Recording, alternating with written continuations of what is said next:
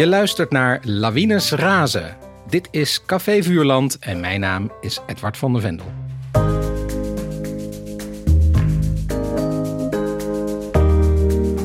In deze podcast herlees ik klassieke kinderboeken met auteurs van nu. Hoe vers voelen die boeken nog? Wat voor auteur was er aan het werk? Dat en meer bespreek ik vandaag met schrijvers Sanne Rozenboom en Rita Verschuur. En wij lazen voor deze allereerste aflevering een boek dat in 1954 bekroond werd als kinderboek van het jaar. En dat ook de naamgever van deze podcast is. Lawines Razen van Anne Rutgers van der Loef.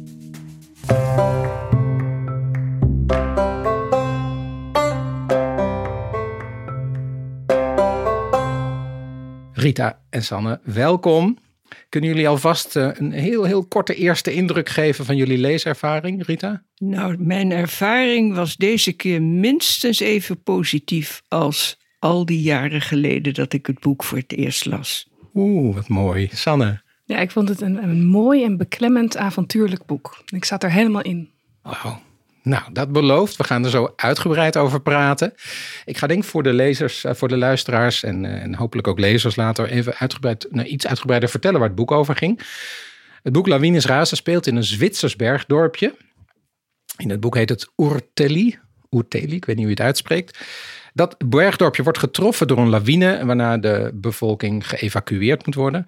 We volgen die evacuatie in het boek en allerlei dorpsfiguren, maar met name eigenlijk de 15-jarige Werner. En ook een groepje jongens uit een nabijliggend dorpje. Dat is een dorpje dat speciaal uh, opgericht is of gemaakt is voor de opvang van oorlogswezen. De hoofdfiguur uit dat groepje jongens is zo'n beetje de tweede hoofdpersoon, denk ik eigenlijk. Is de 14-jarige wilde en drukke en vrolijke Paolo. Dus Paolo en Werner zijn zo'n beetje de hoofdfiguren. Het boek werd in 16 talen vertaald. Er zijn wereldwijd meer dan een half miljoen exemplaren van verkocht. En het is ook verfilmd. En het is tot op de dag van vandaag leverbaar. Ja, Anne Rutgers. Ja, dat was eigenlijk een van onze allergrootste kinderboekschrijfsters. Uh, Rita, uh, jij en ik hebben elkaar de afgelopen twee jaar af en toe gebeld over aan Rutgers van der Loef tijdens, tijdens de, de, de, de, ja, de lockdown-periodes. En dat kwam omdat wij, wij zijn bevriend, ze kennen elkaar veel langer, maar dat kwam eigenlijk doordat ik Anne Rutgers van der Loef tot mijn schande nooit gelezen had en helemaal in haar ban geraakt ben. En dat moest ik af en toe even bij jou navragen. En, en Rita, uh, ik moet even iets over jou zeggen, zodat uh, iedereen ook weet wie je bent. Nou, de meesten zullen het weten, maar jij begon je literaire loopbaan als vertaler hè, ja, uit het Zweeds. Ja. Uh, je ging ook in Zweden wonen als jonge twintiger. Je bent de vaste vertaalster van Astrid Lindgren. En niet alleen van haar. Trouwens, toen deed je dat nog als uh, onder de naam Rita Turnquist Verschuur. Maar ook van bijvoorbeeld August Strindberg en van Thomas Tranströmer, de dichter bijvoorbeeld. En nog vele andere. Je vertaalde ook soms naar het Zweeds, bijvoorbeeld de boeken van Jan Wolkers. Maar in 1976 begon je zelf kinder- en jeugdboeken te schrijven. Uh, waaronder de reeks van, geloof ik, acht delen die gebaseerd is op je eigen herinneringen. Die werd bijzonder hoog gewaardeerd. Tegenwoordig schrijf je uh, altijd nog, je schrijft autobiografisch werk dat gericht is op een volwassen publiek. En je was dus bevriend met Anne Rutgers van der Loef. Daarom belden wij onder andere. Ja. Was je eigenlijk bevriend met haar? Ja, ik was echt heel goed bevriend met haar. Ja, dat, ik vind dat zelf nog bijna wonderbaarlijk. We leerden haar kennen bij uitgeverij Ploegsma, waar zij begonnen was, gek genoeg, ook als vertaalster uit het Zweeds. Ja. ja. En daarna is ze zelf boeken gaan schrijven. Nou ja, toen ik daar mijn eerste boek had laten verschijnen, toen uh, kwamen wij op een feestje met elkaar aan de praat. En toen bleek dat dat zo'n vergelijkbare start was geweest. Bovendien woonden we allebei in het gooi, niet dicht bij elkaar, wel dicht bij elkaar. En uh, ja, ze werd een soort literaire moeder voor mij. Ik was een beetje bang voor haar, want ze was heel streng. Ja, hoe, hoe, jullie scheelden 15 jaar, ze was 15 jaar ouder. Uh, uh, waar... Nog wel meer, denk ik. Hè? Oh. Ze had heel goed mijn moeder kunnen zijn hoor. Volgens mij was ze net zo oud als mijn. Nou, ze is van 1910. Ja, maar ik van Oh, 35. nee, oh, hè, moet je 25. horen. Oh, ja, nee, ze was ja. net zo oud als mijn moeder. Ja. En dat was ook echt merkbaar. Ja? Maar, Maar hoezo eh, moederde ze dan een beetje over je? nou ja, ze, ze, ze, ze keek zo streng. nou, en ehm, ik wil niet zeggen dat ze moederde, gewoon zoals een, een, moeder dat doet. En be- ze- niet iemand die zich bemoeide met je privé-aangelegenheden. Maar ze was over dat werk van mij, eh, dat las ze dan natuurlijk, mijn boeken ook. Hè. En daar had ze soms dan wel kleine kritiekjes op. En dat waren hele wonderbaarlijke kritiek hoor. Maar, ehm, Maar wonderbaarlijk, in welke nou zin? ja, laat ik zeggen, ehm, dan verwacht je, hè, dan heb je zo'n boek geschreven en dan denk je inhoudelijk dat er toch het een en ander is wat haar niet bevalt. Maar ik weet nog heel goed, een van mijn vroege boeken, Drie is te veel, hè, fictie. Daar kwam in voor dat kinderen gingen eh polstok springen. En dat deden ze met grote bamboestokken. En dat had ik zelf gezien bij de volkstuintjes in, in Bussum, hoe dat allemaal toeging. En het enige wat Anne zei over dat boek was... ja, die bamboestokken, dat kan helemaal niet... want daar kan je niet mee polstok springen. Die zijn veel te dun en te slap. Dat herinner ik me nu nog. Dus Ja. hè, dat ze dat ze. Ik zei, ja, maar ik heb het echt zelf gezien. Je hebt ook heel sterke bamboestokken.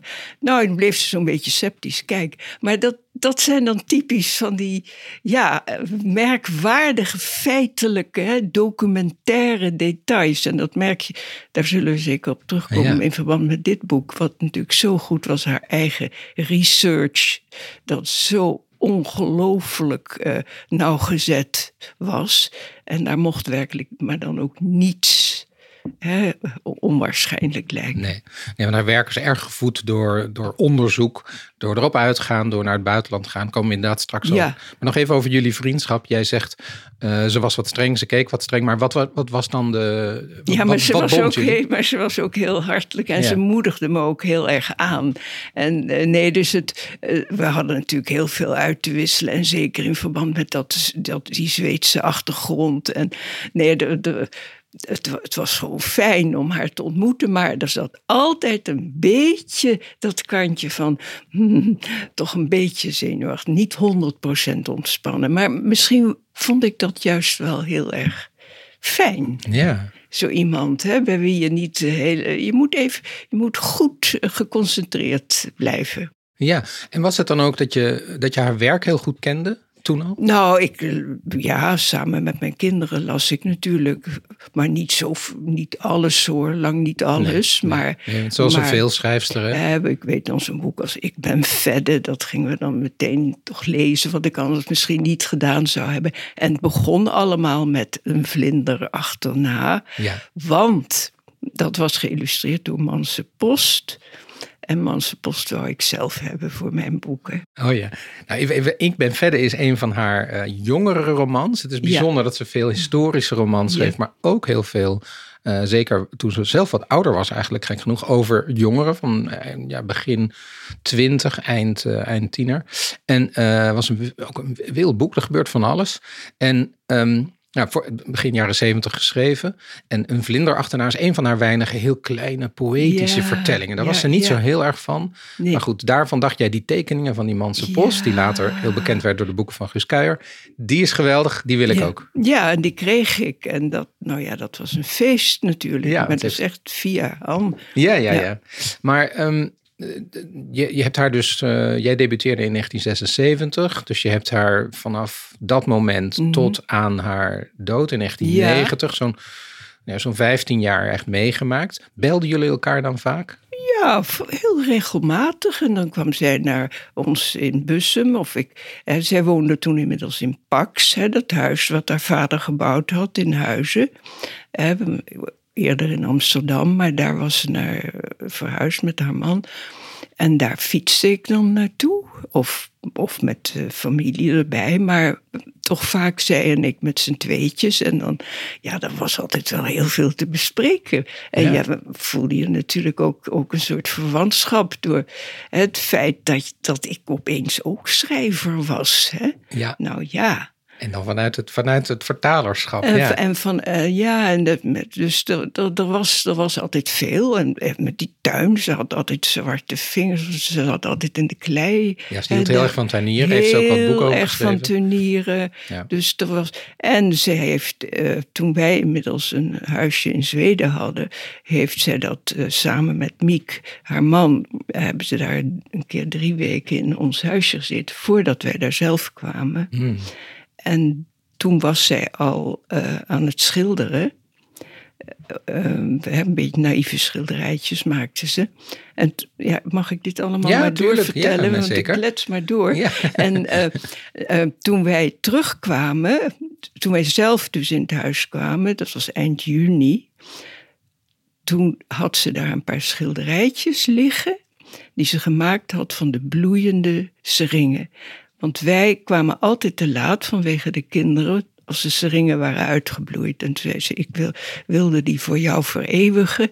Dus ik heb, hier heb je die twee schilderijtjes en daar bloeien ze. En die hangen hier, die gaan we jullie zo meteen laten zien. Ja, want we zijn bij jou thuis, eh, Rita. Ja. Dus we gaan straks, gaan eh Sanne en ik, even kijken naar de schilderijtjes die door Anne Rutgers gemaakt ja, zijn. Wat leuk. dit wat was leuk. cadeautjes, ja. Ja, Dus, prachtig. eh, nou ja, en de avonturen die ze daar dan weer beleefde. Ja. Ja, ik, Ja, er is een avontuur met water, op water gaan. En Ja. dan gaan we, dan ga ik straks aan je vragen als je dat goed vindt. Prima. want dat is een mooi, dat tekent een beetje haar persoonlijkheid, ja, denk was, ik. want ze was natuurlijk niet alleen streng. hè. Nee, nee, ze was ook eh, met een beetje wild af en toe, toch? Hè? Ja. Eh, Sanne, Ja. ja. Ehm, jij werkte, om jou even te introduceren, tien jaar als journalist. Mhm. Onder andere voor eh, de geschreven media, maar Ja. ook voor de radio, geloof ik. Ja, Ja. je was zelfs ehm, volgens mij correspondent in Londen een Ja, tijdje. Maar sinds jaar. 2016 ben je ook kinderboekschrijver. En je debuteerde met een boek dat enorm eh, meteen heel veel succes had. Het ministerie van Oplossingen. Ja, ik weet niet of het hem helemaal meteen was, maar wel in, in de loop van de eerste twee jaar is dat zo'n soort geleidelijk. Ja, en volgens mij komt binnenkort deel 5 uit. Ja, ja, ik ben nog niet klaar, dus dat binnenkort Oh. levert dan gelijk een soort van stress op. Maar in februari pas. Dus ik heb nog heel tijd. veel tijd om het te maken. ja, ja, weg met de stress. Je hebt ook nog een andere serie geschreven. Daarvan was het eerste deel Jippie, een humeurig sprookje. Ja. En onlangs verscheen je, ja, je eerste standalone, zoals ze dat dan zeggen. Het boek wat op zichzelf staat. Hoewel we natuurlijk nog niet helemaal zeker weten of het misschien ook Jawel, het staat echt op zich. Staat op zich. Ja, ja. Mot en de metaalvissers. Een heel goed ontvangen boek. Ik heb het ook gelezen, vond het prachtig. Een avonturenboek over een meisje dat met een magneet oud ijzer gaat opvissen. En dan een heel wonderlijke duikboot aan de haak slaat eigenlijk. Ja. En eh, ja, door de vondst van die duikboot begint een, eh, een enorm avontuur. En dat vond ik zo bijzonder, want het boek is zowel... eh, heeft, heeft iets, iets ouderwets eh, qua avontuur. Mhm. En ook, ook, ook qua mooie tekeningen van Sophie Mhm. Pluim. Maar het is ook heel erg van nu. En ehm, we komen zo over jouw eigen werk wat verder. Maar als je, je je hebt dus Lawines Razen gelezen. Dat is een Mhm. boek wat in 1954 dus uitgekomen is. Vond je daar een soort weerklank in qua, qua schrijverschap? Ik denk dat je in elk boek iets van een weerklank qua schrijversstrap vindt natuurlijk. Want het- ja, je leest het ook als schrijver, niet alleen als lezer. Maar ik vond inderdaad het avontuurlijke heel interessant. Omdat het is ook een boek dat eh, op een bepaalde manier gedragen wordt door het avontuur. Er gebeurt daarnaast heel veel meer. Er zijn heel veel banden, belangrijke eh, ontwikkelingen in het hoofd ook van Werner. eh, dingen die gebeuren tussen hem en de nieuwe vrienden die hij maakt tussen hem en zijn vader. Maar eh, de, de, de dreiging van de lawines eh, stuwen het verhaal voort natuurlijk. De gebeurtenissen, het avontuur stuurt het verhaal voort. En vervolgens gaat het erom hoe iedereen reageert. En dat vond ik heel interessant ook om, om als schrijver te lezen, hoe zij dat doet. Hoe zij haar hoofdpersonen laat reageren op de absolute overmacht van wat er om hen heen gebeurt. Ja. En eh, ja, dat zit ik natuurlijk in mijn hoofd ook te vergelijken. Ik, ik heb minder overmacht. Ik heb nog nooit zo'n natuurlijke overmacht gebruikt. Ik vind dat wel heel fascinerend. Ik ging bijna denken van, oh, dat zou ik ook wel eens willen. Over wat voor, wat voor de rampen kan ik Nou ja, precies. ja. Gewoon echt eh, de reactie op, op honger, dorst, kou en, en of, of een storm. Of het is heel primair. Wat, hoe reageer je dan? Hoe, hoe ontwikkelen vriendschappen zich binnen zo'n situatie? En eh, dat vond ik heel, ja, heel interessant als schrijver om over na te denken. En dat heb ik ook met bewondering zitten lezen. Net als eh, de, de inhoudelijke, ja, het onderzoek dat ervoor gedaan is. En hoe, hoe goed het klopt. En hoe het tot in de details, ja, vermoed ik, klopt. Ja, Ehm, maar eerst even over die grote gebeurtenissen. Ja. het is niet mis wat er gebeurt. Nee. Hè? Er is een, eh, we gaan niet alles nu zeggen, want mensen moeten dit zeker nog lezen. Het is ook zeker nog heel erg leesbaar, denk Mhm, ik. Maar eh, nou ja, lawines. Lawines veroorzaken, zeker in de jaren 50, grote rampen. Dat betekent dat we Werner leren kennen, vrij in het begin. En eh, die is dan nog een soort, samen met zijn vader gaat hij nog een groep jongens proberen te redden. Die ergens in de bergen zijn en eerder, eerder naar beneden moeten komen. Ja. Eh, Maar meteen al, geloof ik, op bladzijde 5 komt er dan een kleine lawine over Ja. een van die jongens. Die met zijn hand nog net boven, Ja. die kan hij nog net grijpen. En even later over Werner Over zelf heen, zelf. binnen dezelfde Ja. bladzijde. Ja. Dus ze worden al bedolven. Nou, dat overleven ze dan. Ja. En dan al heel snel komen wij te weten dat het, dorpje waar hij woont een volgende lawine over zich heen heeft gekregen. En dat zijn ouders eh, waarschijnlijk niet overleven. Want al heel snel staat er als laatste zin van een hoofdstuk... dat was de laatste keer dat hij zijn vader zag. Zoiets. Ja. Nou, en hij zit zelf in die lawine. En dat vond ik ook echt wel een van de beklemmendste Nou, stukjes. Allebei die stukjes. Dus sowieso dat eerste kleine moment dat hij daar... Hij, hij werpt zich op om, om, om dat jongetje, denkt hij dan nog eigenlijk. Hij blijkt ongeveer even oud te zijn, maar die Paolo te redden. Ja. Ehm, en dat wordt ook fysiek beschreven. Van kijk, ik ga nu ook gelijk met mijn handen bewegen. Maar hij moet dus een soort ruimte houden tussen zichzelf en de sneeuw. En hij probeert zich te houden aan alle regels waarmee hij is opgegroeid. En dat lukt meteen niet. En, en hij komt klem te zitten. En dan staat er ook zo heel nonchalant iets van... Het had maar zeven minuten geduurd. En dan denk je, oh, je zou toch zeven minuten Onder de sneeuw. ja. ingeklemd zitten onder de sneeuw. Ja. Ja. Ehm, en dat, dat, vind ik, dat, wel wat, dat vond ik het heerlijke aan dit boek. Dat je dat echt een beetje meedraagt. Ik had dat echt een Ja, beetje ja. bij me. Van, hoe, ik heb onder de sneeuw gezeten. Ja. En dat vind ik altijd een teken van een heel erg goed boek. Als het je dat gevoel kan geven. Ja, zo zintuigelijk ook. En, en eh, had jij dan... ehm, zo, Rita, kijk naar jou even. Dat is zintuigelijk omdat je daar eh, niet op reageert. Je hebt dit boek al vele keren gelezen. Nou, niet vele keren, maar ik denk aan iets, iets heel grappigs. Anne heeft mij verteld dat terwijl ze dit boek zat te schrijven, dat was zo'n hete zomerdag, en ze zat in de keuken, zoals ze altijd zat wanneer ze haar boeken schreef. En haar kinderen kwamen uit school en ze zei: Oh, ik, wat heb ik heb ik het vreselijk. Want ze was dit boek aan het schrijven.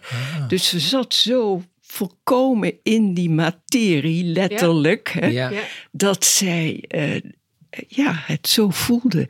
En de kinderen zeiden: Mijn moeder, ben je helemaal gek? De mussen vallen van het dak. Oh god, ja, ja, ja. Ja. Nou, nou, ik vind dat mooi aansluitend bij Ja? wat jij nu zegt. Hoe een schrijver zelf ook totaal Ja, alles om zich heen. ja dat, dat zegt wel wat vergeet. over haar zegt- intensiteit van het ja, schrijven. Ik vind dit een, ja, het meest treffende voorbeeld Ja, over haar. en het bijzondere is bij dit boek, want zij had al, eh, zij, is- een van de eerste boeken die ze schreef was De Kinderkaravaan. Dat is haar andere grote boek. Dit zijn eigenlijk de twee grote beroemde boeken van Anne Rutgers van der Loef.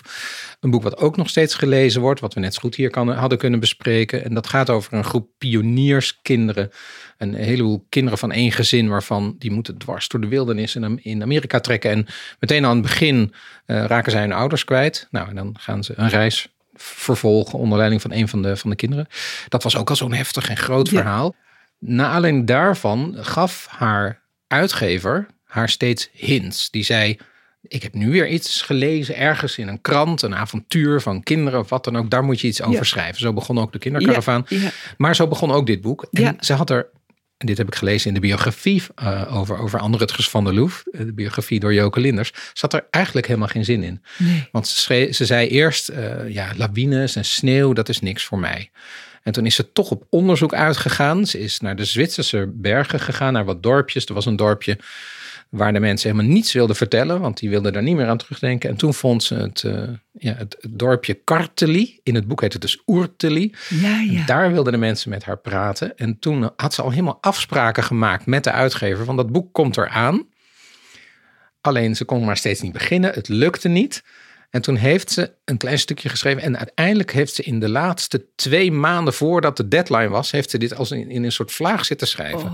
dus dat was waarschijnlijk in die Oh, ja. tijd waar jij het nu Ja, over hebt. in die zomervakantie. Ja, Ja? klopt. Het is inderdaad in juni moest het inleveren en in maart had ze nog niks. Dus eh, Ja, ja, ja. ja. En als je dat dan bedenkt, dat dit toch een enorm groot boek is geweest, dat ze dat in twee maanden heeft gemaakt. Ja, ja, ja, ja. ja. Goh. Maar Sanne, even terug naar wat je dan als schrijver ziet in zo'n Ja. boek. Hè? Ehm, en je zegt dat voortstuwen van het verhaal. Nou ja, Ja. als je een lawine hebt, een bijna grotere voortstuwing kan je niet Nee, bedenken. precies. maar hoe heb jij dat in jouw boek aange- aangepakt? Want daar zit ook, zitten ook echt wel redelijk wat cliffhangers in. Ja, ik denk alleen dat dat dus meer door mensen ingegeven cliffhangers zijn.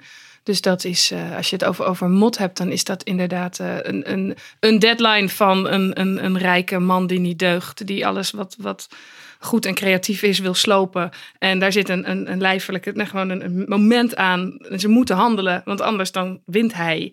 En, uh, en dat is eigenlijk de, dat is de deadline waarmee ze werken. Nou, dat is natuurlijk heel anders dan elk moment kan de berg komen. En, en alles kan dat zomaar in werking zetten. En we weten niet wanneer het gebeurt. Het kan ook niet gebeuren.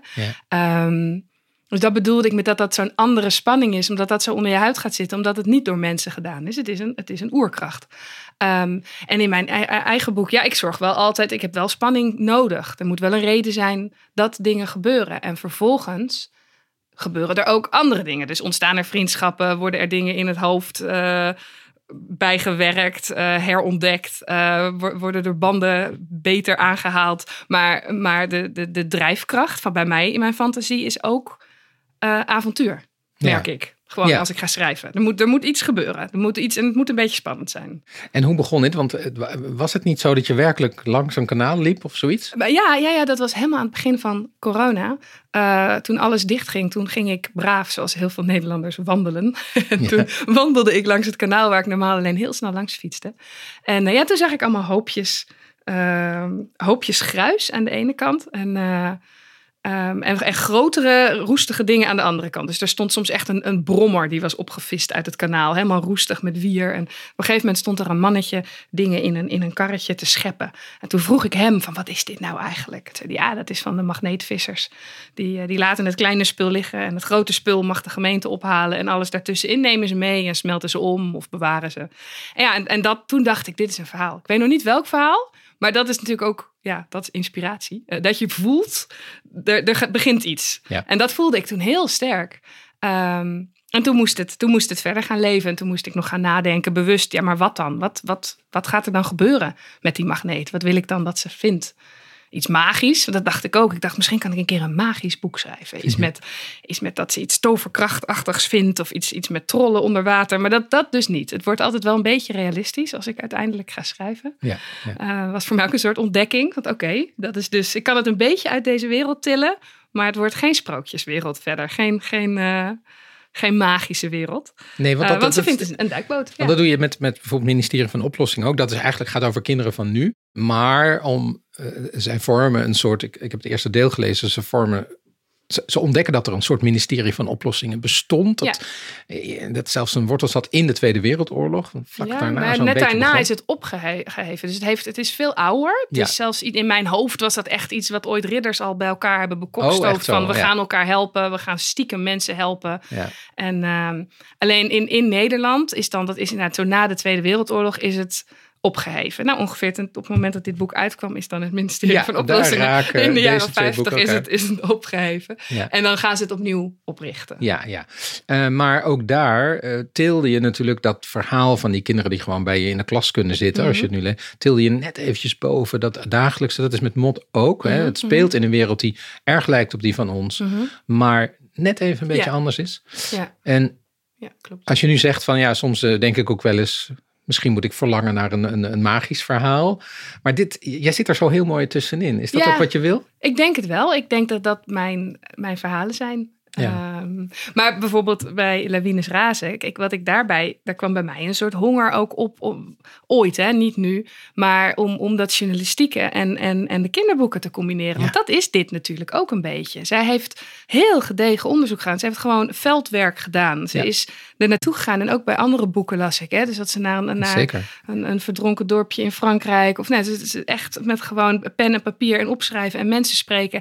En dan na al dat realistische er een fantasieverhaal van maken. Ja. Dat vind ik ook heel, eh, Ja. een hele mooie manier om dat zo te lezen. Ja. Eh, Rita was, heeft, vertelde zij ook wel eens over hoe ze dat deed, die onderzoeken? Nou ja, ehm, zij ehm, beschouwde zichzelf ei- toch eigenlijk niet, al, ja, dat klinkt misschien een beetje raar, als schrijver.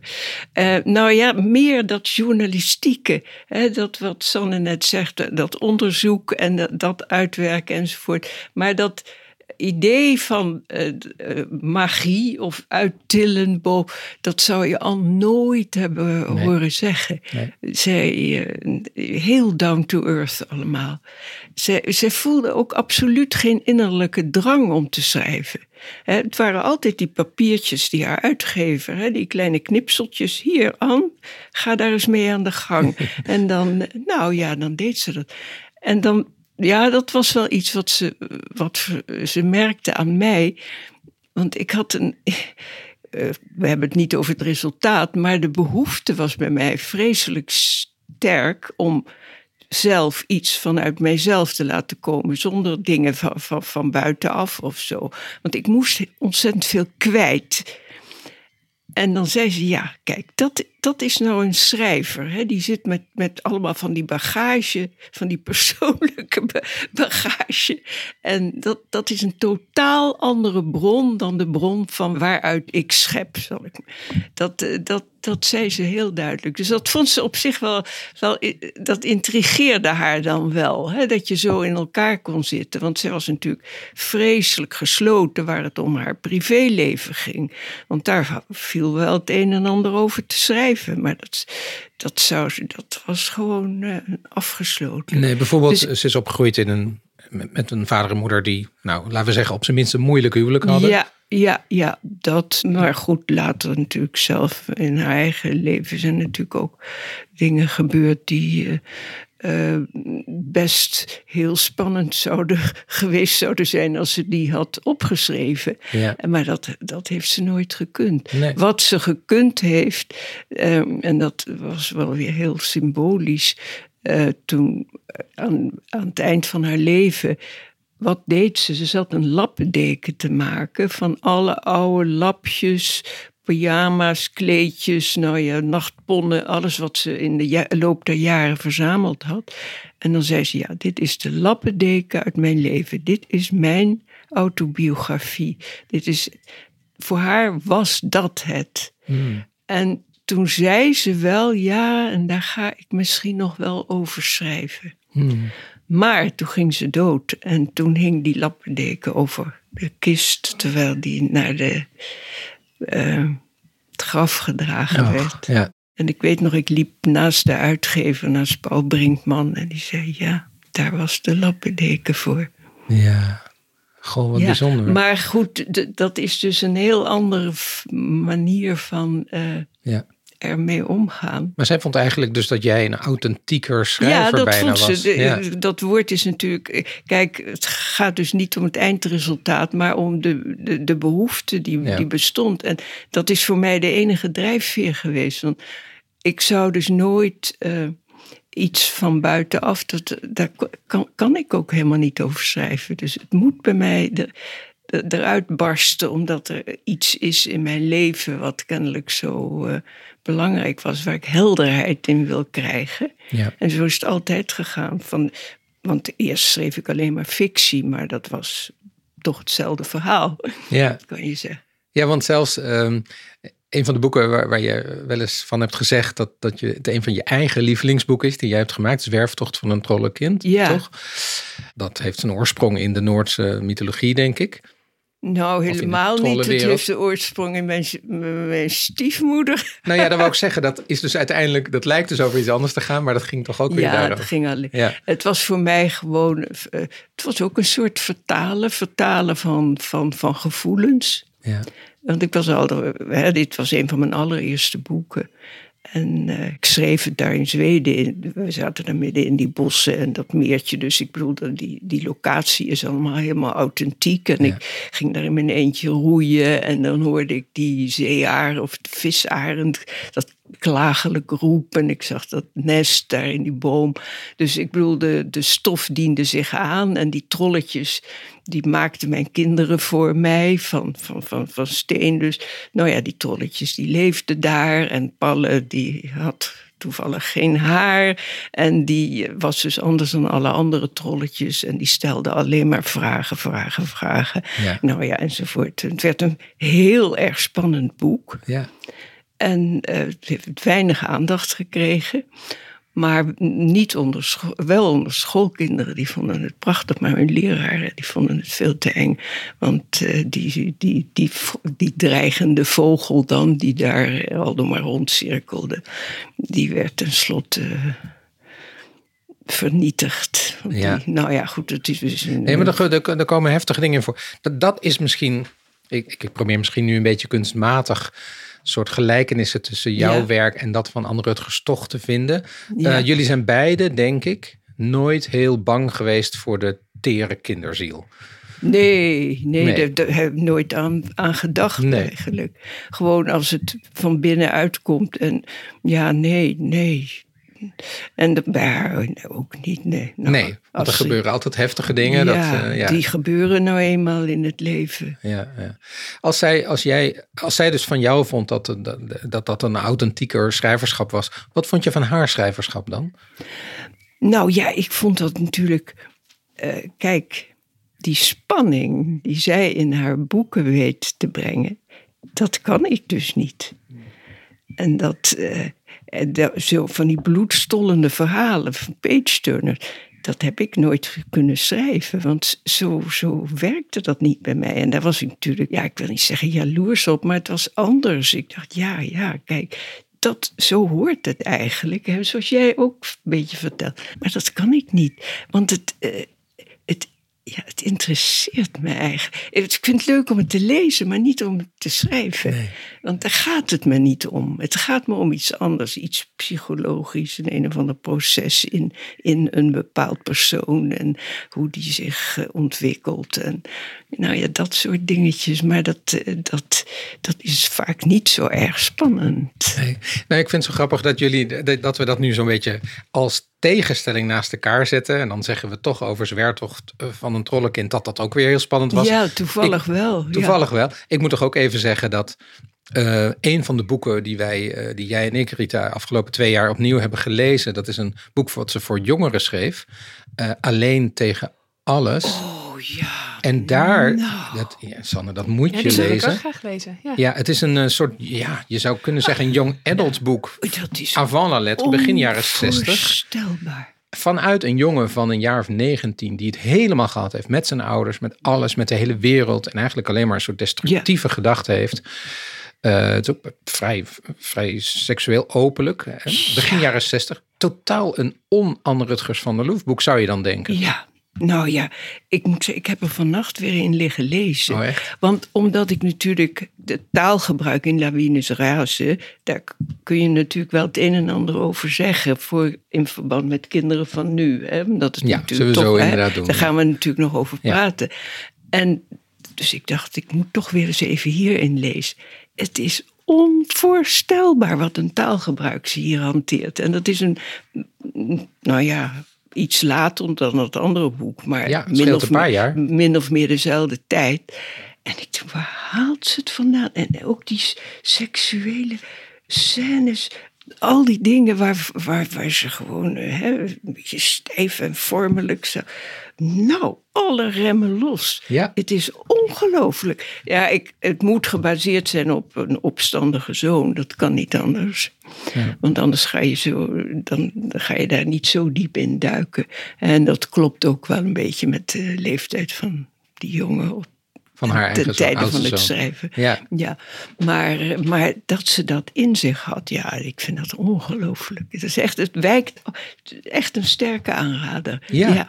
Maar grappig hè, dat daar misschien eh, ja, de, inzet van het schrijverschap een beetje lijkt op jouw Ja, schrijverschap. ja, ja, Ja. Maar goed, het gaat dan niet over haarzelf. Hè. Nee, nee. Het is fictie, hè, zogenaamd. zeker, Dit is ja. natuurlijk wel fictie. Ja. Maar het is precies, en ik denk dat het haar heel goed gedaan heeft om dit geschreven Nou te ja, maar er komen geen natuurrampen in voort. Speelt niet in andere landen, wat ze meestal nee, doet. het is Ja. puur, dit is echt van binnenuit die jongen. Ja. Hè, de, de kleine wereld. Nee, dat, wat dat betreft komt het overeen. Ja. Maar had ik dit maar gelezen toen zij nog leefde. Maar Ah. ik wist van niks. Dat heb je later gelezen. Nou, jij, Door, door ons. Ja, jij ja. hebt het me vorig jaar aangeraden. Ja, ja. Je hebt het me opgestuurd. Klopt. Ja, ja. Tjee, nou, dat vind ik echt wel een ontdekking. ja, het is zo leuk vind ik dat een schrijverschap... eh, ja, dat je op een bepaalde manier een soort karakteristiek in je hoofd hebt. En je denkt, oh hier hou ik van, van deze verhalen. En eh, het speelt overal. En het is allemaal zo spannend.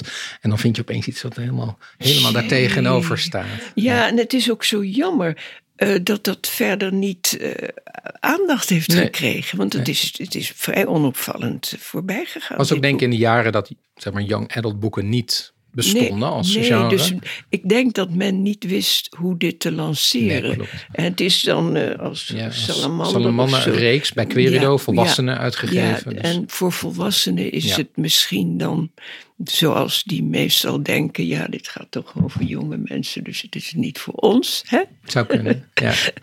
ja. Sanne, als we, we hebben het net over verschillende soorten schrijverschap en hoe iets begint, wat, wat, je, ja, wat, je- wat je de grote drijfveer is. Eh, heb jij nu een idee over jouw eigen schrijverschap? Nou, ik zit daar natuurlijk terwijl ik hier naar luister ook over na te denken, want het is heel interessant. Ehm, en ik, ik, denk dat ik allebei, eh, wat u net vertelt, allebei net niet herken. Ik herken in allebei iets en ook in allebei niet. Dus ik vind zeg maar de, de drang, die heb ik. Ik. Ik schrijf wegens een drang. Maar dat is niet de drang om dingen uit mijn eigen leven te verwerken. En ik herken dat wel. Ik heb het ook wel met schrijversvrienden over dit soort kwesties eigenlijk. Hè, van wat, wat stop je in je boeken? Ik heb ook nog niet veel... Ik heb heus bagage waar echt een boek van zou kunnen worden gemaakt. En ik durf me daar absoluut niet aan te branden. Ik heb geen enkele behoefte om mijn eigen leven in mijn boeken te verwerken. En, en dat herken ik dan wel weer eh, van aan Rutgers van der Loef. Maar niet de tegenzin. Dat vind ik eigenlijk heel bijzonder om te lezen. Dat ze dus eigenlijk zo getalenteerd was. Dat ze steeds door de uitgever een duwtje nodig had. Om toch maar weer op basis van interesse en kunde te beginnen. En dan in, in misschien wel tegen de deadline aan Ja. dat, eh, dat ging schrijven. Dat vind, ik- vind ik heel bijzonder. En dat, dat heb ik niet. Ik heb er erg veel plezier in en ik wil niet anders. Dus niemand hoeft mij dat zetje te geven. Al lijkt het me heerlijk hoor. Als iemand zou zeggen, Sanne, hier, ga hier eens over schrijven. Dan, dat lijkt me ook best bijzonder. Maar, ehm, maar dat is dus eigenlijk weer een derde weg. En ik ben dat ook nog wel aan het ontdekken hoor. Want ik schrijf natuurlijk ook pas... Ja, ik schrijf al heel lang. Maar dat ik weet dat ik ook echt boeken heb... is ook pas een jaar of zeven. Dus ik denk dat ik daar nog heel veel... eh, ontdekkingen in kan doen. Wat nou precies mijn drijfveren zijn. Maar het is niet, ik wil kinderen per se iets leren. En het is ook niet, ik wil dingen uit mijn eigen leven op papier zetten. Het, zit, het, is, het is net weer een andere. Maar het is wel een drang. En mag ik je iets vragen? Ja, Zou het niet gewoon kunnen zijn dat je zo'n vol hoofd hebt? ja misschien. Dat je, tenminste, ja, hè, je, dat je zo waanzinnig veel eh, eh, fantasieën, gedachten, beelden, hè, dat die door je hoofd, eh, en dat je daar orde en rust in moet scheppen. En dat dat zo'n drang op zich kan zijn. En niet bewust hoor, niet bewust. Maar sommige mensen hebben gewoon heel veel levendigheid daarboven. En dat, dat moet eh, bedwongen worden en vor- vorm krijgen. eh, ja, misschien. zodat het een richting krijgt. Ik heb dat zelf namelijk wel en ik lijd daaronder. En dan lig ik s'nachts wakker en dan spoken de beelden maar door mijn hoofd. Eh, maar als je er geen last van hebt, dan is het natuurlijk anders. Ja, ik denk wel dat, dat er altijd een last bij zit natuurlijk. Hè? Tenminste, Ja. ik denk dat mensen die heel makkelijk een verhaal kunnen voor zich zien... ook Ja. heel makkelijk bijvoorbeeld een rampspoedscenario voor zich kunnen zien. Ja, of eh, weet je, die, die andere kant van de medaille... Denk, ik, denk ik wel dat veel schrijvers hebben. Maar ehm, ja, misschien dat het een, een, dat het het ordenen is. Maar ik denk ook omdat het leuk is. Ik bedoel, in al die, in, in de beelden zit natuurlijk zit iets van, oh, maar dat zou een verhaal kunnen zijn. En als je dan vervolgens de tijd hebt en, en de mogelijkheid om daar een verhaal van te maken. Ja. eh, ja nee, leuk. Dat, dat is vanzelfsprekend. ja, maar dat is niet helemaal wat Anne Rutgers van der Loef er altijd van vond. Dat klinkt ook als een beetje een soort Ja. vervloekt met een talent. Ja, ja, dat is inderdaad. Het woord leuk zou ik niet zo gauw uit haar mond Nee? horen. Nee, nee, nee, nee. Kan je herinneren dat jullie het wel eens over haar eigen waardering over haar, voor haar eigen boeken hebben gehad?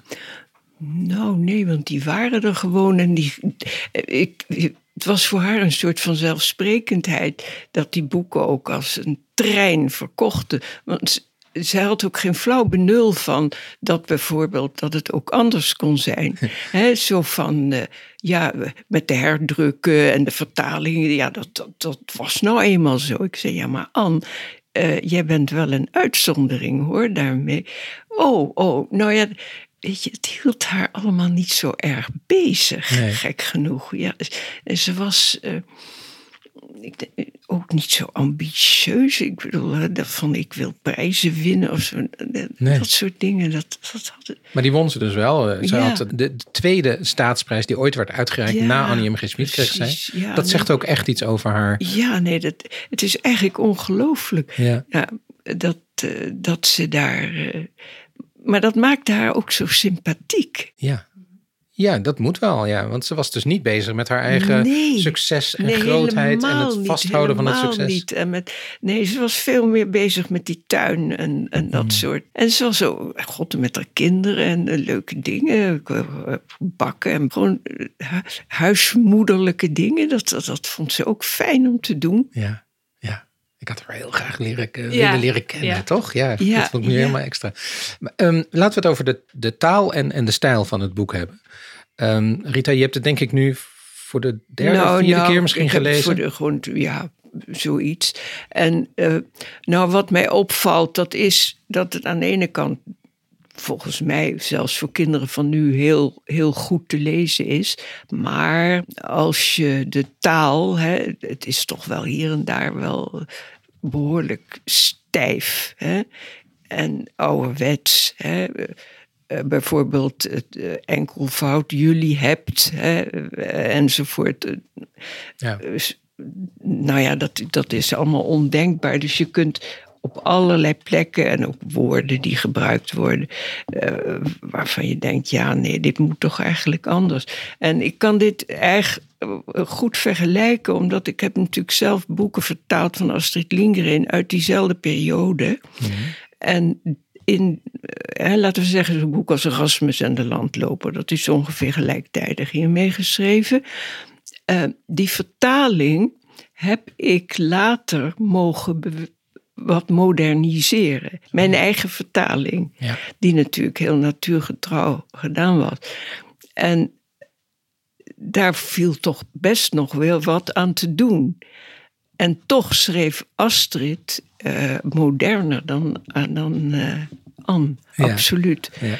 Dus um, als ik hier dus naar deze tekst kijk, dan denk ik, oh, dit even anders. Ik, overal, overal krijg ik de neiging om even iets anders te formuleren, dit te schrappen. Oh god, heb je weer zo'n moeilijk woord. En uh, met hun steeds kleren. En nou ja, je weet, er is, er is eindelo, ja. eindeloos veel van, die, van dat soort dingetjes. Nou, er was één woord, dat heb ik zelfs opgezocht. Even kijken of ik het kan vinden. Maar dat was... Uh, en, en, ik heb dus een hele oude versie gelezen, moet ik wel zeggen. Ik heb geen herdruk gelezen. Ja. Uh, car, carbies. Carbies, ja. Oh, dat ken je niet. Dat nee, is zo, geen dat idee. is, een carbies, dat is zo'n oud koffertje.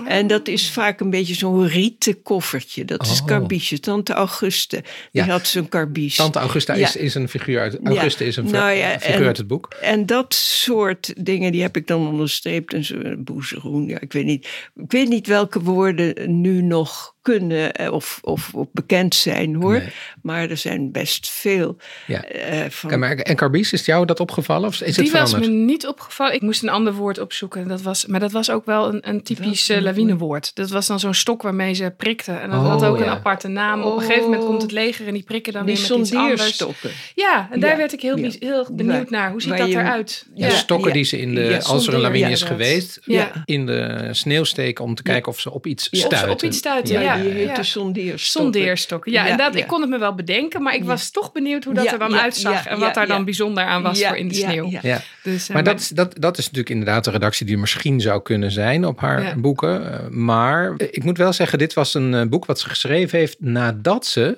voor haar boek daarvoor een heel, hele grote bak kritiek over zich heen had gekregen. Van een of andere professor.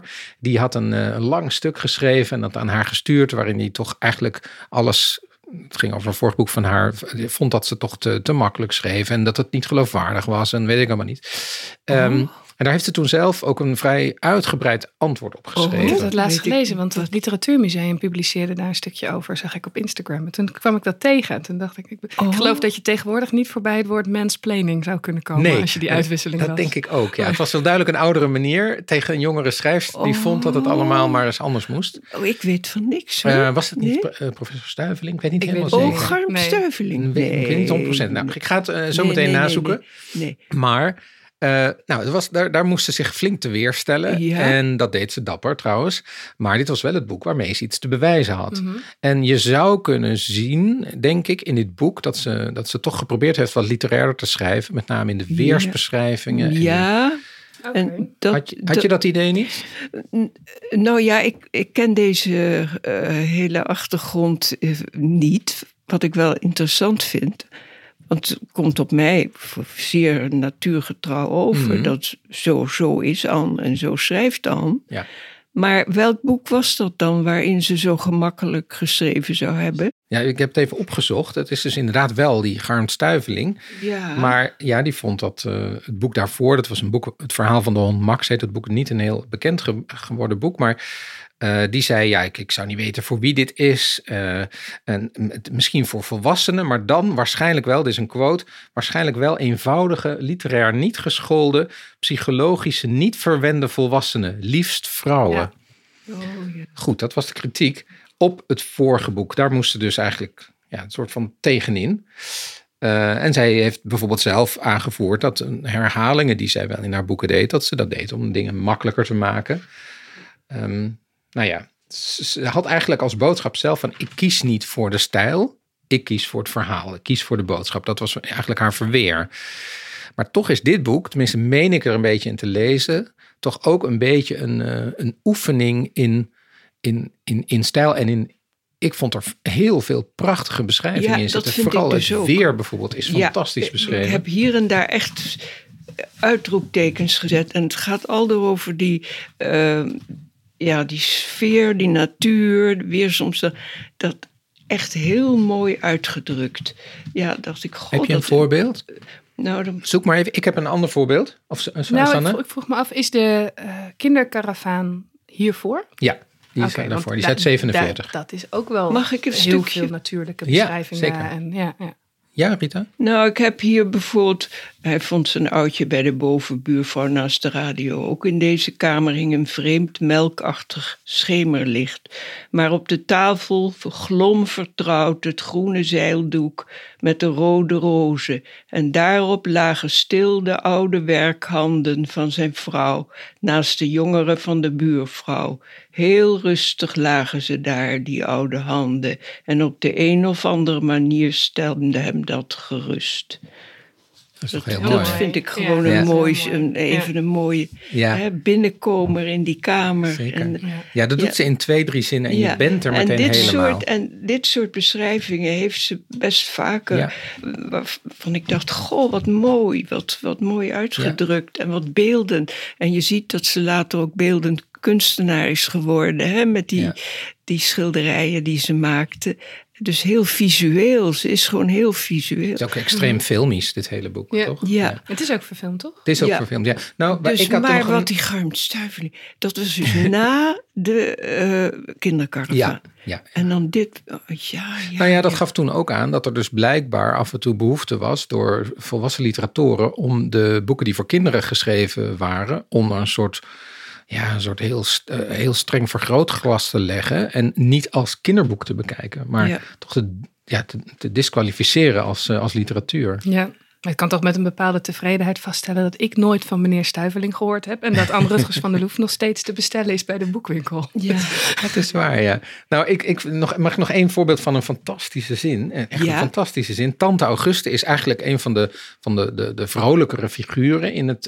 in, althans, de figuren waar, oh, waar ze af en toe wat humor gebruikt. ja, En dat is een, eh, een oude eh, dame. Dus inderdaad de, de, de tante van Werner, van de hoofdpersoon. En die heeft een, die is manufacturierster. ja, dat is ook mooi. Daar hè? moest ik ook even opzoeken. Grondstoffenwinkels Oh, ja, een beetje. Ja, ja, ja.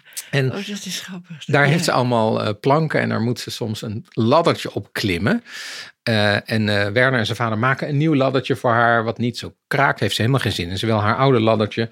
En dan zegt Anne Rutgers, dat vind ik echt prachtig. Over dat krakende laddertje. Dit was nu eenmaal de muziek die bij tante Auguste paste. Ja, Nou, dat dan kan je toch wel schrijven. Ja. Dat is prachtig. Ja, Ja. nee, maar zo is er best veel hoor. Heel veel, boek. ja, zeker. Ja, ja, ja. Ehm, we moeten het ook nog even hebben over de moraal. De moraal. Zij is wel eens beticht van, nou, best veel moraal en, en Ja. les eigenlijk in haar boeken Ja. stoppen. Ja, en zo was ze. Ja? Want dat is iets wat ik dus. Als ik haar streng noem, dan had dat met de moraal te maken. Ja. Heel, ja, op allerlei gebieden was zij zeer strikt en ja, Ja. dat. ehm, en dat sp- spreekt natuurlijk ook heel erg uit dit, uit dit boek. Hè. Nou, vond je het overdadig? Ehm, nee, ik vind het wel goed. Ik, ik hou daar wel van. Ja, want de, de moraal uit dit, het is een, een veelzijdige moraal. Je kan het niet zomaar ja, in één keer ja, zeggen. Nee, ik vind, ik vind de moraal prima. De moraal is echt, eh, blijf optimistisch, werk Ja, samen. ja, Ja, nee, ik vind, het, vind het hartstikke goed. En met dat Pestalozzi-dorp, Mhm. wat dus in, in werkelijkheid bestaat. Hè, want dat is ook zo mooi hoe dat dan geënt Ja, is dus op dat, moeten we even uitleggen. Er is dus een, een, een dorpje, bestaat er niet ver van het dorpje waar de lawine plaatsvindt. Dat heet het Pestalozzi-dorp. Dat is historisch. Ja. Dat waren dorpen die na de Tweede Wereldoorlog ingericht werden voor kinderen die hun vader en moeder in de oorlog verloren Ja. hadden. En dat waren ook hele idealistische dorpen, want Ja. daar woonden kinderen van allerlei landen Ja. samen. En dan had je dus een Finlandhuis en een Oostenrijkhuis. En die woonden daar met één iemand die dat dan leidde. Ja. En die jongens zijn ook heel belangrijk in dit boek. Eh, de ontknoping, die zullen we hier nu niet zeggen, maar die heeft ook op een hele mooie manier met dat dorp te maken. En daar komen we dus ook Paolo tegen, de, de, de, de, de blije, dappere. Ja, want die heeft alles verloren. Die heeft alles, Die die heeft heeft echt geen heeft ouders nog meer. één oma en verder heeft hij zijn hele familie in de oorlog verloren. Ja. Dat vind ik ook een heel, dat vind ik een heel bijzondere bijfiguur daardoor. Prachtig. hè? Omdat hij juist heel erg de rol op zich neemt van de, de, de stilte doorbreken. Werner is een hele gesloten, een soort Zwitserse bergjongen die heel veel moeite heeft met zijn emoties. En, en Paolo, die eigenlijk veel meer heeft meegemaakt, die probeert de hele tijd de sfeer te breken, die jongen te breken, eh, mensen vrolijk te maken. Ja. En, eh, en ik, zat ook, ik heb ook dat dorp dan zitten opzoeken van heeft dit echt bestaan? Ja. En het heeft echt nog, het bestaat in principe nog steeds. Alleen niet meer voor wezen. Nu is het wat algemener, waar je een tijdje naartoe kan als kind en met Europese projecten. Ik vond het heel fascinerend. Prachtig, ja. En dat er een grote discussie was, want Duitse wezen waren niet welkom. Ah, hmm. Wat die Paolo, hoe ze die Paolo ook gebruikt als we het over moraal hebben. Want die Mhm. is wel echt degene, de, degene die soms de, de moraal verwoordt. Hè? Mhm. Want die is dus eigenlijk altijd heel grappig, relativerend. eh, Houdt de moed erin, rent naar iedereen, zoekt de mensen op die het nodig hebben. Maar als het echt aan de orde is, dan is hij degene die zegt: en zo gaan we doen. Zo Ja. moet Ja. het. Ja. Ja, nou da- d- daar zit dus mijn enige grote vraagteken Mhm. eh, bij dit boek. En dat is toch de manier waarop ze hem als karakter heeft uitgewerkt. Die jongen hangt, zit niet, ja, die hangt van losse stukjes aan elkaar. Ik, kan- ik, kan, er geen, ik kan er geen jongen van maken. Mhm. Nee? Ik bedoel, het is waar, het kan niet erger dan wat hij heeft meegemaakt. Maar de combinatie van eigenschappen. Hè, hier staat hij eh, eh, te springen als een opgewonden aap. eh, zo beschrijft ze het ook ergens. En bij iedereen heeft hij een gepaste kwinkslag. Eh, heeft soms een woordenschat waarvan je denkt, waar haalt hij het vandaan? Hè, bijbelse, nou goed, misschien was die bijbel vast, maar toch veel te volwassen. En dan opeens komen, lijkt hij wel een, een soort dominee. En dan weer alle gekheid eh, door elkaar. En dan weer dat klein. En dan weer huilen. En, dan weer, en overal haantje de voorste. Lastpak ook nog. Hè, wa- waardoor af en toe mensen zich aan hem ergeren. Ik denk, Anne, het is goed. Je, die jongen is een. Zoals hij daar nu staat, voor mij is het een soort voorstudie Mhm. van eh, zoals die jongen moet zijn. Dus op zich kan. Maar veel te veel woorden. Veel te veel woorden. Laat dat wat hij zo nodig kwijt moet in godsnaam met daden. Hè? Maar hij doet ook wel daden natuurlijk. hij doet ja. belangrijke dingen, maar ook in het klein. Hè? Ja, ik, ik ging me ergeren aan Oké. Paolo. Moet ik heel eerlijk Echt? bekennen. Oh, ja. Ja, nee, maar dat komt hierdoor, omdat hij voor mij niet, niet samenhangt. Als, Net als, iets te veel idee was en te Ja. weinig Ja, ja, Ja, te kind. veel functie ook Ja. voor Ja. het verhaal. Om de Vond jij dat ook, Sanne? Nou nee, ik snap het wel als ik dit zo hoor. Zeker met, de- met de taal. Kijk, hij doet het natuurlijk ook. Hij is Italiaans. Hij doet het ook nog eens allemaal in het Duits. Mhm. En eh, daar, dat wordt natuurlijk ook nergens meer aangehaald. Hij praat die prachtige preken ja, in het... maar, er maar- zijn, ja, ja, en dan zijn er ook van die kleine dingetjes. Ik, ik noem maar even iets. En hij maakt hij zelf liedjes hè, over zijn treurnis en zo. Dat is prachtig op zich. En, eh, en dan vraag ik, goh, maak je, doe je dat vaak? Hè, dat je van die liedjes, maar eh, niet een lied, maar liederen, zegt hij dan. Ja. En dan denk ik, jongen, in de eerste plaats ben je geen Nederlander. In de tweede plaats, dat ergert mij dan. Ja, ja. Ja. Zulke soort dingen. Ja, ja. En er, het weemolt als je erop gaat letten van, van uitspraken van Paolo, waarvan ik denk, ah, moet dat nou? En van tante Augusta, men heeft een gat in de kous. Ja, dan heeft ze waarschijnlijk de, de stopgaren vergeten. En dat zegt hij dan midden in zo'n vreselijke toestand. Dan denk ik, komt dat nu allemaal? Het is een leuk grapje, maar het gaat mij ergeren gewoon. Ja. Oké, oké. Ja, ja. Het, het wordt te veel van het goede. Ik Ja. vind het jammer, het ligt er te dik bovenop. Terwijl het op zich een, een, een schat van een jongen is Mhm. natuurlijk. Ja, ja, en belangrijk voor, En voor, heel voor belangrijk. En boek. ook juist die moraal en alles Ja. met elkaar. En een vrolijke noot. Ik begrijp ook wat ze met hem wilden. Ja. Maar als zij mij dat manuscript had laten lezen. en dan hadden we misschien. had ze vast niet van mij aangenomen. Maar dan was ik hierover gaan praten. Ja, ja. Nou wij hadden het geloof ik allebei niet. Nee, Ik snap het ook wel hoor, wat je zegt. Ik zou wel, een- als, als we dat manuscript in handen hadden gehad en ik was een hele wereld. Nou, ik je was er toen er ook, een ander puntje. Ja? Ik zou zeggen, mag er misschien een meisje ergens in het Ja. boek of een vrouw die niet Ja. slachtoffer is en onder de sneeuw ligt? Tante Augusta. Want ja, alleen tante Augusta, maar die is de enige van ongeveer 30 hoofdpersonen. Met tekst en verder, er komt één meisje in voor die moet gered worden. En die ligt verder als een prachtig sneeuwwitje Ja. in coma. Ja. Ja, En, ja, en de ja, moeder ja. Van, van Werner, die moet Ja. Beschermd worden door de vader. En, en, ja, en, nee, dat is helemaal waar. en, dat, en dat, Oh, dat, ik snap het ook. Want stel dat er meisjes in dat dorp waren geweest, dan was de hele dynamiek anders, want ze zijn 15. En dan wa- wa- was, weet je, dan, en of Ja. als Werner een meisje was geweest, was het ook anders gegaan. Maar dat was het enige waarvan ik Ja. na afloop dacht van, nou, ik zou niet in dit boek voor kunnen komen. Nee. En ik als klein meisje ook niet. Nee. Bestaat nee, niet. Je hebt helemaal gelijk. Ik heb Ja. daar niet aan gedacht, maar je hebt helemaal gelijk. Nou, heel interessant in dit verband is dat een paar jaar later maakten ze het boek Ze verdrinken ons dorp. Dat speelt ook in de bergen. Ja, Eh, vind ik een van haar aller, allermooiste boeken. Vind ik nog, nog iets mooier dan dit boek. En dat is ook weer op basis van onderzoek. Dat, is, Ja. dat gaat over een bergdorpje waar een dam moet worden gebouwd. En ook daar moeten alle bewoners, het hele dorpje moet eigenlijk verhuizen. Ja. Dus niet evacueren, maar moeten van hun plek. En het gaat dan over een grootvader die dat echt niet wil, die daar wil blijven. Die heeft geen zin meer om nog naar een bejaardentehuis ergens verderop op de berg te gaan. En eh, de hoofdpersonen zijn al alle kinderen, alle kleinkinderen. En daar zitten wel een heel aantal meisjes bij. En ehm, nou ja, dat, dat, dat boek eindigt ongelooflijk eh, bijzonder. Namelijk, dat moet ik even hier zeggen, dat is wel een spoiler, maar dit is maar zo. Doordat eh, ze laat daar de grootvader uiteindelijk op met een bootje op, op het stuurmeer gaan varen. En hij verdrinkt zichzelf. Maar ze heeft het dan zo geschreven dat je ook nog zou kunnen denken, als je dat te heftig vindt, dat het een ongeluk is. Maar goed, je snapt helemaal in het verhaal waarom dat zo is. Oh, Maar goed, ja, prachtig boek. Ze verdrinken ons dorp. Maar wat ik daarover wou zeggen was dat ehm, wat zij zo knap doet, eh, ook in meerdere boeken, is dat ze een heel ensemble heeft wat ze beschrijft. Hè? Ja.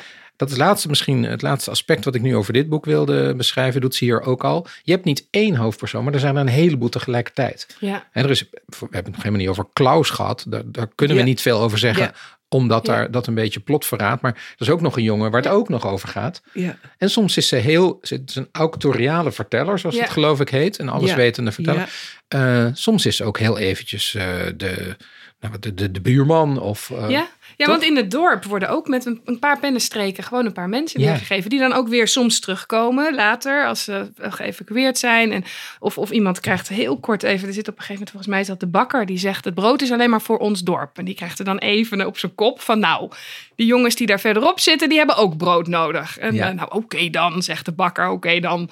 En iemand anders die wil zijn schuur niet vrijmaken. En nou weet je, uiteindelijk doet iedereen het juiste. Ja. Dat is denk ik ook dat, Ja. dat moraal. Hè? Het- Ja. Iedereen doet het juiste voor elkaar. Ja. Maar ze hebben soms wel een, een zetje nodig. Ja. En, eh, maar goed, daarmee worden ze dus wel... Je, je ziet het voor je. Ja. Je- Ja, maar soms is het ook heel even vanuit zo'n volwassen personage.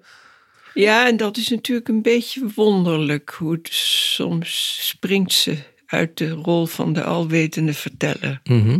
Nou, ik vind dat juist zo spannend. Ik zat echt te denken, welke schrijver doet dat nog? Sander, dat doen wij, dat doen wij niet meer, Nee, toch? nee, nee, ik heb geleerd dat je heel erg streng moet zijn in je perspectief. Ja. Tenminste, dat heb ik mezelf, dat, dat Ja. vertel ik mezelf. Maar dat hoeft Ja. inderdaad niet hoor. Want ook als je begint te lezen, het begint heel algemeen. Hè? Het Ja. begint met een Ja. soort schets van het dorp. En, dan, en op een gegeven moment zit je in Werners hoofd. Maar ook niet de hele tijd. Want je Nee. zit net zo goed weer in een gesprekje van zijn ouders. En, Ja. ja. En dat, dat stoort niet. Het maakt het ook niet minder spannend. Nee. Nee, maar is dat niet, eh, Rita, is dat niet technisch ongelooflijk knap? Dat je dus zoveel kanten belicht, dat er zoveel gebeurt, Ja. maar dat je het wel wil doorlezen.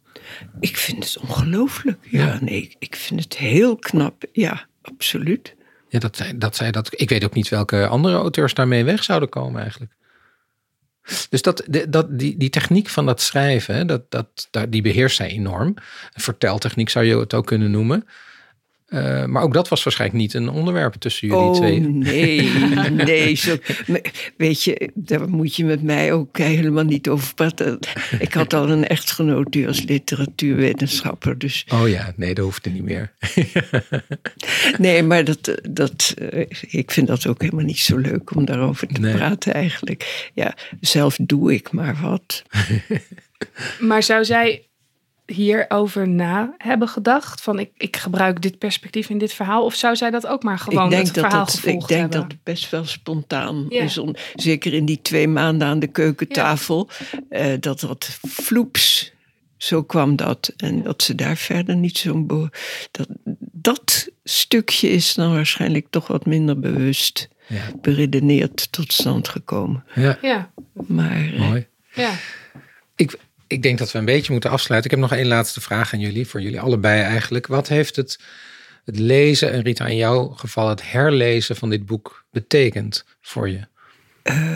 ja, ik, ik vond het wel een heerlijke ervaring eigenlijk. Hè? Om gewoon weer te merken. Nou, wat ik, wat, ik, wat ik het belangrijkste vind, dat is te merken dat zo'n boek toch zo actueel is. Ja. Hè? Wat zo lang geleden geschreven is. En dat dat, eh, ja, die hele, alles wat zich hier voordoet. Nou, geef het in godsnaam aan de kinderen van nu. Maar laat mij één keer door de tekst gaan en een paar van die, paar van die al te ingewikkelde constructies of rare woorden eventjes. Hè? Maar dat, dat, dat kan natuurlijk niet. Nee. Sander, wat heeft het lezen hiervan betekend voor jou? Ehm, nou, ten eerste had ik, ik durfde het niet toe te geven, maar jij zei het net over jezelf ook, maar ik had niks nog van Anne Rutgers van de Louvre gelezen. Mhm. Ehm, en toen eh, ben ik dit boek gaan lezen. Ik ben de Kinderkaravaan gaan lezen. Ik heb een eh, biografie van haar gelezen. Dus ik ben daar ook ingetrokken. Ik wil nu heel graag dat boek lezen. Ja, dat, eh, alleen tegen Alleen alles. tegen het, ja, en het, en het verdronken dorp. Ehm, dus het is voor mij was het ook een beetje een realisatie hoe slecht ik mijn of de wortels soms ken van wat er in Nederland gebeurt. Dat ik echt even moest gaan dingen ging, gaan, ben gaan opzoeken over wat er nog meer in de jaren 50 uitkwam qua kinderboeken. Dus het, het, riep ook een bepaalde honger bij mij op om wat meer te gaan, eh, om wat, wat beter te weten op welke schouders we staan, zeg maar nu. Ehm, en ik vond het verder als boek gewoon een heel, een heel fijn avonturenboek om te lezen. Ik vond het heel mooi. Het was eh, gedegen. Niet op een negatieve manier, maar gewoon het, het klopte. En eh, ik denk inderdaad ook dat kinderen nu dit nog wel gewoon goed kunnen lezen. Ik weet niet precies welke leeftijdscategorie ik dan zou zeggen. Ik denk dat tien nog wat Tien? jong is. Tien? Ja, Ja, tien, twaalf. Goede stevig. lezers wel, Ja, je moet een goede Ja. lezer zijn. Ja. denk ik. Ja. Ehm, met als enige dat er dan iemand bij het overhandigen van het boek moet vertellen dat er toen nog geen mobieltjes waren. Want dat is de enige vraag, denk ik, die je je stelt als je het nu leest: van waarom belden ze niet gewoon? Ja. Nou, dat is het enige. En verder is het, staat het gewoon nog. Ja. Ja. Ehm, ja, dat vind ik prachtig. En dat vind ik ook heel, ja, ik vond het heel leuk om het te lezen. Leuk. Nou ja, geldt voor mij ook eigenlijk een beetje. Het is voor mij eh, sowieso het hele ontdekken van Anne Rutgers van der Loef. Ik lees al haar boeken en ik had deze bewaard. Ja. Want ik dacht, ja, ik heb er al zoveel mooie gelezen. Maar deze is toch wel de meest bekende. Laat ik die op een speciaal moment lezen. Ik ben heel erg blij dat ik dat speciale moment met jullie heb mogen delen. Ik hoop dat heel veel anderen het ook nog gaan lezen. Eh, dit, was, eh, dit was ons gesprek over Lawines Razen. Ja, Dank jullie wel, Sanne en Rita. Dit was Lawines Razen, een podcast van Café Vuurland. De gasten in deze aflevering waren schrijvers Rita Verschuur en Sanne Rozenboom. De montage was in handen van Ignaas Schoot en mijn naam is Edward van de Vendel. Je kunt alle informatie uit deze aflevering nalezen op www.vuurland.nu.nu dus. Klik dan even door op Café Vuurland. Deze podcast werd mogelijk gemaakt door een subsidie van het Nederlands Letterenfonds in het kader van de campagne Van Maker tot Lezer. En we bedanken de erven Rutgers van der Loef en uitgeverij Ploegsma voor het mogen gebruiken van de naam Lawines Razen. Het logo is van Floor de Goede. En in de volgende aflevering bespreken we Kon Esibaka, Kom gauw terug van Henk Barnard met schrijvers Chris Polane en Zinzi Zevenbergen. In de tussentijd veel herleesplezier.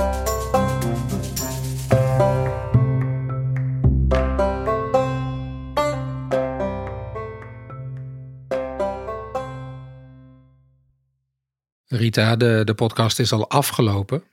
Maar in ons gesprek hebben we beloofd om nog één anekdote over Anne Rutgers en het meer te vertellen. Wil je dat nog eens doen? Nou, dat vind ik wel leuk om nog een keer te vertellen. Eh, toen Anne ons huisje had geleend in Zweden, daar was een meertje in de buurt waar Anne ook, net als wij, graag ging roeien. En op een middag, ze droeg altijd jurken, hè, eh, ging ze gewoon weer lekker in die roeiboot op.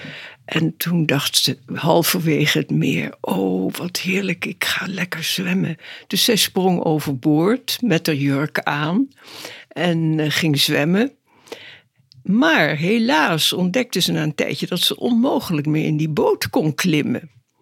Dus toen moest ze die boot al zwemmend naar de oever weten te duwen. Nou, dat is haar gelukt, maar daar aan de oever tussen het riet was het ontzettend modderig. Dus zij zakte, ik weet niet hoe ver weg in de modder, maar heeft kans gezien de, hè, de, de oever te bereiken, maar vraagt niet hoe. Dus toen zij wat later bij haar man terugkwam, nou die wist niet wat hij zag. Een totaal modderige vrouw die even uit de roeien was gegaan. Nou ja, dat soort dingen. Eh, ja, impulsief, hè? Die kant had ze ook. Want ik weet ook dat ze een keer naar het dorpje in de buurt was ze gaan lopen, 10 kilometer, Hullarud. En toen eh, op de terugweg werd ze toch wel vreselijk moe. En toen is ze met een tractor gaan liften. Dus toen kwam ze terug bij haar man eh, bovenop een tractor. En nou ja, dat vond ze dan ook wel weer heel erg vanzelfsprekend, geloof Ja. ik. Ja, het is toch wel een mooie, mooie tekenende anekdote. Maar we moeten nog even erbij zeggen, volgens mij, hoe oud zij was oh, met dat bootje. Eh, nou, ze was, het was toch wel iets met 70 volgens In mij. de 70, ja. Gewoon in de modder achter een bootje aan. Ja, ik denk ze, ja, precies. Ja hoor. Ja. En ze gingen ook eh, kamperen met en dan gingen ze slapen in de auto. En dan reden ze naar het noorden en eh, ja, daarachter in die auto konden ze best liggen. Dus nee, ze waren eh, buitengewoon sportief hoor. Ja. Ja. Ja. Anne Rutgers van der Loef. Dankjewel voor het to- toch nog even vertellen. Dank je, Rita.